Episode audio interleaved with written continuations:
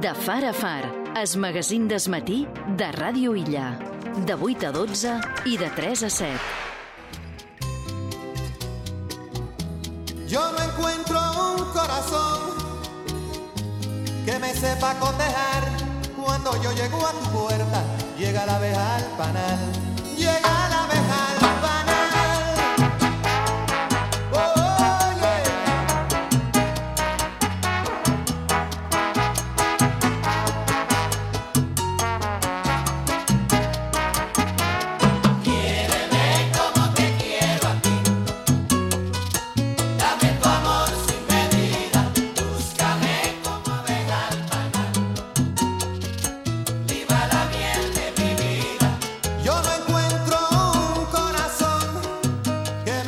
9 i 53, 4 i 53, escoltam a l'inconfusible eh, Juan Luis Guerra amb el seu Como abeja al panal.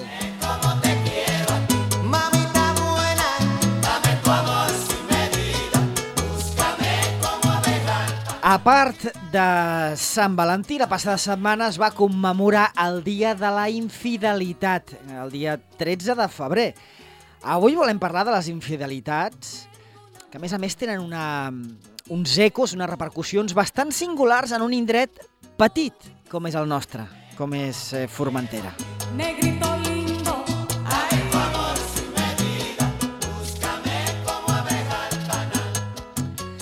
Bé, doncs parlarem de les infidelitats amb Maria Lozano. Ella és educadora social, ha fet el postgrau de teràpia de parella i sexual per la Facultat de Psicologia. Es defineix com una apassionada de l'amor que des de fa 19 anys està... Perdó, que des dels 19 anys, volíem dir, està en formació continuada sobre les relacions de parella. Es dedica a conduir teràpies, tallers i activitats lúdiques sobre sexualitat i amor. Podeu eh, trobar més informació sobre la seva activitat al web Fluir en el Amor.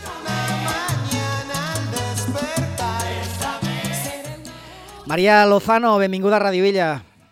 Hola, bon dia, Pepo. Bon dia i gràcies per atendre'ns. A veure, primer de tot, què, què és una infidelitat? Una infidelitat és una traïció i té a veure amb tres persones implicades. Un infidel, una parella i l'amant. L'amant, la parella i l'infidel. Molt bé. S'ha de consumar la infidelitat o pot ser una infidelitat, com dir-te, de paraula o de pensament? Això també és una traïdoria? Sí, tenim diferents infidelitats. Tenim les infidelitats que són microinfidelitats, que són petites, i després tenim infidelitats que no són sexuals.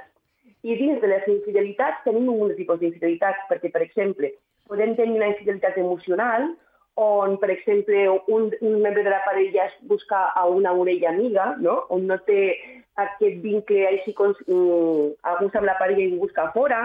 També tenim pues, un deslit, una nit-boia, també tenim una de curta duració, pues, que és una temporada, unes vacances, els Sí. temporers.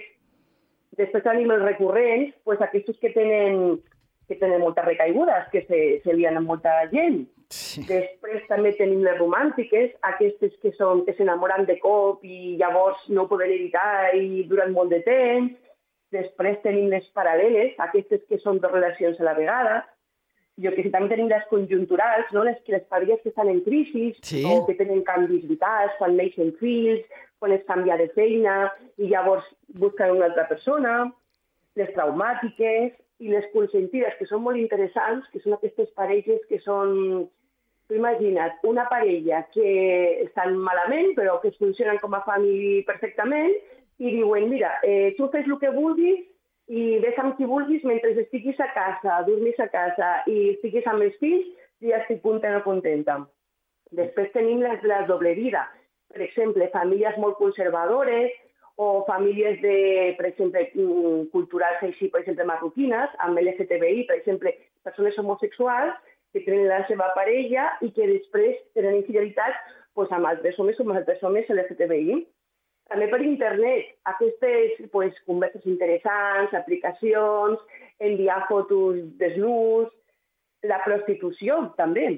Sí? I després tenim les microinfidelitats, que són coses molt sutils, no? com enviar mensajitos, eh, borrar-los, eh, treure't l'anell de casat, dir que estàs solter i no ho estàs, eh, coquetejar amb algú que saps que li agrades...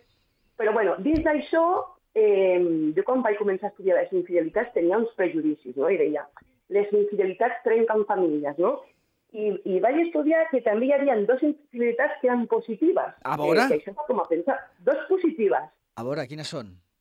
Mira, una positiva és que a partir d'una infidelitat la parella pren consciència de què és el que estava mal en parella i tornen a reconstruir la parella de nou, van a teràpia, reconstrueixen i formen una parella nova, no? resolven els, els problemes que tenien pendents. I l'altra és que hi ha parelles que tenen una tercera persona, que és l'amant, i que, per exemple, si aquesta família funciona bé i tenen problemes, aquesta persona infidel fa que la parella se sostingui, perquè l'infidel dona a la parella el que la parella no es pot donar. Sí, sí. sembla, Pepo? Sí, sí, eh, ja, ja t'entenc, ja. Mm, D'altra... D'altra banda, eh, les, les infidelitats, eh, he vist que, bé, clar, has, les has disseccionat i amb, no sé, una desena o, bueno, més d'una desena segurament de, de, de, de, mm, tipologies de- d'infidelitats. Mm, clar, abans apuntaves també les consentides, no? Eh, les consentides, eh, estaríem parlant ja de d'això de les parelles obertes, per exemple? No, no, la diferència, la, una infidelitat sempre és una traïció. No oblidem que una, una infidelitat és una mentida. El que passa és que la diferència entre una infidelitat consentida, tenim la relació oberta, és que una parella són parella normal i decideixen que poden tenir sexe amb altres persones, això seria una parella oberta, però està consensuat. Després tenim la parella poliamorosa, Sí. que és la que poden tenir o relacions afectives i sexuals. I la infidelitat consentida és com jo faig veure que no sé res, no te dic res i te deixo fer. Veus la diferència? Sí, sí, i tant, i tant, i tant. Escolta- És com que a mi ja m'interessa això, millor no diem res i no la liem. Ja estem tots bé, ho deixem així tranquil. Però una infidelitat sempre és una mentida, és una traïció com a infidelitat. Mm, Es pot prevenir una infidelitat? Com una La malaltia? veritat és que sí. Tam també hem de tenir en compte que una infidelitat és, eh, porta molt de patiment. I a vegades pensem que només pateix la persona que, que li han ficat les banyes, no? Però jo observo que hi ha casos que a vegades els que pateixen molt són els tres, tant l'infidel com l'amant com la parella oficial. I sí que es pot prevenir. Primer de tot, ens hauríem de plantejar abans de començar una relació i durant la relació, perquè les relacions es transformen. Hi ha relacions de molts anys i les coses s'han d'anar construint. No és que tu firmis un contracte al començament de la relació i d'aquí un temps tot ha de seguir igual, les coses canvien, no? Llavors, al començament hem de decidir quins són el contracte i les normes o els pactes que fem com a parella, si podem tenir sexe amb altres o no, si que, que, que considerem infidelitat o no infidelitat, això m'agrada, això no m'agrada, això és molt important. Després, una cosa molt important és no donar per fet la parella. Què vol dir això? Que moltes vegades la gent se casa i diu que l'amor hasta que la muerte no separe, i això a vegades no és així, perquè les parelles són com les plantetes, no? Si no regan, pues se moren. Llavors, eh, no dar por hecho, no? En plan, Clar. ojo amb els avisos, o escolta que no estic bé, hem de fer alguna cosa, sí, canviaré, canviaré, i no canvien. He de fer alguna cosa, canviar, i no canvien. I llavors al final la cosa peta. La millor forma no seria trencar una infidelitat, seria parlar les coses, arreglar la parella, i si no, trencar-la i parlar obertament amb sinceritat. Però a vegades passa. Després també mm, el tema de, mm, de ojo a qui escolleixes, perquè hi ha moltes vegades que hi ha persones que tenen tendència a escollir a persones infidels, Ah, perquè sí, sí, sí, és molt curiós, és molt curiós. O persones que també són molt infidels perquè es ve de la seva història familiar, repeteixen patrons transgeneracionals, és superinteressant. La família influeix molt en l'amor. sí, sí, tant. Eh, escolta'm, el, o sigui, si el, de la mateixa manera que, per exemple, amb la violència de gènere se sol dir que aquell infant eh, que hagi vist violència que seu és mm, probable que després la reprodueixi quan sigui adult amb les seves relacions emocionals, amb les infidelitats també passa el mateix? Passa molt amb les infidelitats, amb els conflictes de parella, amb els apegos ansiosos, amb les parelles ausents. Hi ha un munt de perfil de parelles i cos de parella i coincideixen múltiples. Jo el primer que faig quan faig quan una, una parella o una persona soltera al davant i li pregunto quin problema té, els hi pregunto molt com és la seva infantesa, perquè nosaltres dels 0 als 7 anys és quan comencem a aprendre a estimar. I, bueno, també depèn si hem tingut situacions traumàtiques, hi ha molts més aspectes, però aquí és quan aprenem. Llavors busquem a una parella que ens fa despertar les nostres ferides. Per això diem que una parella moltes vegades és un mirall de nosaltres. No sempre, però en moltes ocasions s'ha de mirar això. Caram. Dèiem si es podia prevenir una infidelitat. Eh, es pot curar una infidelitat? Sí, però espera, que també es pot prevenir una altra cosa. Ah, molt jo bé. penso a vegades que el tema de la- de l'educació sexual, ens pensem que l'educació sexual és només per la infància i per la joventut, i l'educació sexual afectiva o sexual abarca molts àmbits, no? I no ens eduquen a com relacionar-nos en parella. Llavors, què passa? Moltes parelles s'acaben aguantant i a vegades no saben com gestionar els conflictes, com avançar... És com una ciència una mica poc desconeguda. Llavors, la gent fa el que pot i per això mmm, se trenquen moltes relacions, ja sigui per infidelitat o per altres coses. És important que quan una parella tingui un conflicte o que tingui una crisi, que busqui ajuda, perquè si no, no millorarà mai. I si es poden recuperar les infidelitats, pues a vegades sí i a vegades no. Jo pensava que no, abans d'estudiar això pensava que no.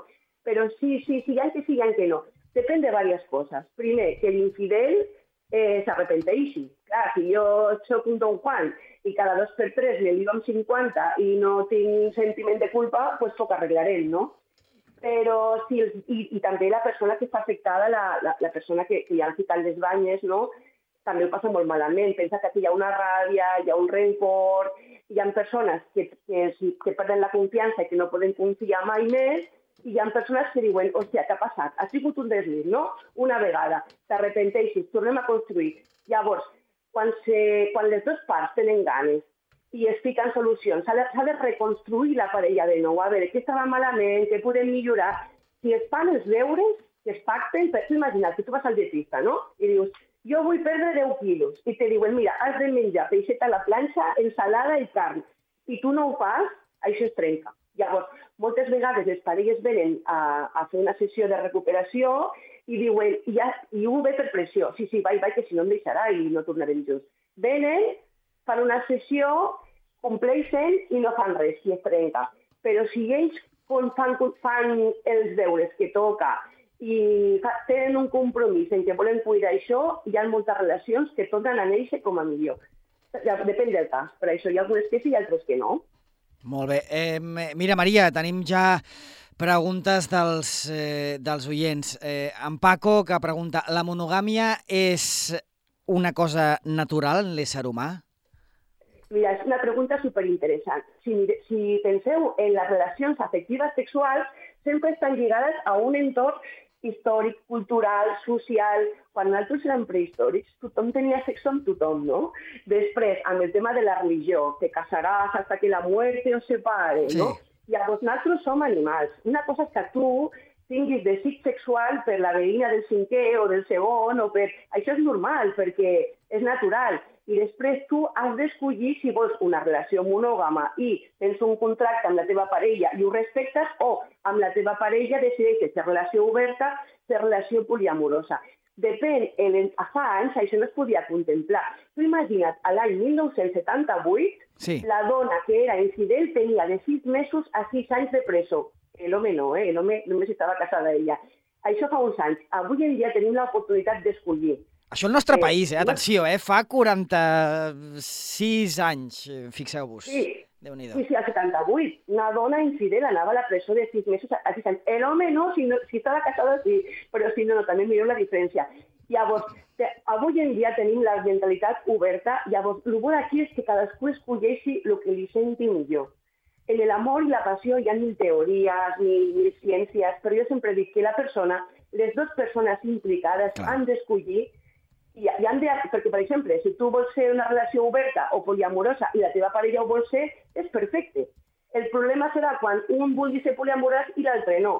Llavors, aquí, a nivell d'objectius en comú, mmm, hi hauria problemes, perquè un d'ells hauria de cedir i tra se traicionaria. Un tema superinteressant. Ja ho veig i, a més, eh, dona, dona per parlar molt. Però ja, ja anem acabant. Maria, deixa'm preguntar-te. Eh, la, la infidelitat a Formentera. Eh, entenc jo que té algunes particularitats especials, donat el fet de que és un, un indret petit i amb una població eh, doncs relativament petita també. Sí, a Formentera hi ha infidelitats com a tot arreu, però clar, són secretes, una infidelitat s'amaga, llavors clar, no saben molt jo les veig perquè les, les, les, les, les veig no? per la meva professió, però hi ha moltíssimes. El tema de Formentera, una cosa que me crida molt l'atenció és la pressió social que fa molt de mal i retraumatitza les infidelitats. Per exemple, hi ha infidelitats consentides, no? Llavors hi ha gent que no sap que són consentides i comencen a criticar i expliquen als seus fills he vist a tu padre con otra, eh, jo què sé, o per exemple casos eh, com que l'infidel està molt enfadat i llavors mm, distorsiona la informació, diu mentides, i a l'altra persona se li fa bullying, bueno, hi ha, hi ha de tot. Bueno, a Formentera hi ha tot arreu, eh? estic parlant d'altres jocs, no? però sí que la pressió social a Formentera, jo dic un consell, que cadascú a casa seva faci el que vulgui i sobretot que respectem, perquè no sabem què hi ha darrere. Per exemple, hi ha relacions que estan ja de dol, que estan mortes, no? Llavors, una infidelitat és el pas a que aquesta relació es trenqui, perquè si no, que no és, no és, lo que, no és lo que hauria de ser. S'hauria de trencar i després començar una nova per no fer mal però no sabem què hi ha darrere, llavors jo sempre demano que hi hagi molt de respecte i no jutgem, perquè no sabem què hi ha. Hi ha molt de patiment. Llavors estàs opinant de coses que no saps, no saps què està passant darrere. És un tema molt delicat, molt sensible. Mm. La pressió social a Formentera fa molt de mal en l'àmbit de la infidelitat. Déu-n'hi-do. Mm. Bé, eh, Maria, eh, moltíssimes gràcies per haver-nos atès. Us recordam, eh, Fluir en el amor és el web d'Anna Maria Lozano, aquesta experta en relacions de parella i relacions sexuals, sexualitat. Allà hi trobareu doncs, eh, testimonis i també doncs, diverses eh, possibilitats que us ofereix Anna Maria. Que, per cert, d'aquí poc tornaràs a estar per aquí, per Formentera, perquè tu vius entre Formentera i Península, a fer un taller per, per jovens. Però bueno, ja en parlarem, no, d'això? Ja en parlarem, ja en parlarem, però sí està al caure. És el dia 8 de març, Molt bé, a les 6 i mitja 7 al Casal de Joves. molt bé. Maria Lozano, una abraçada, moltíssimes gràcies, que tinguis una setmana ben amorosa. Igualment, amb molta amor i passió per tots. Una abraçada ben ben gran.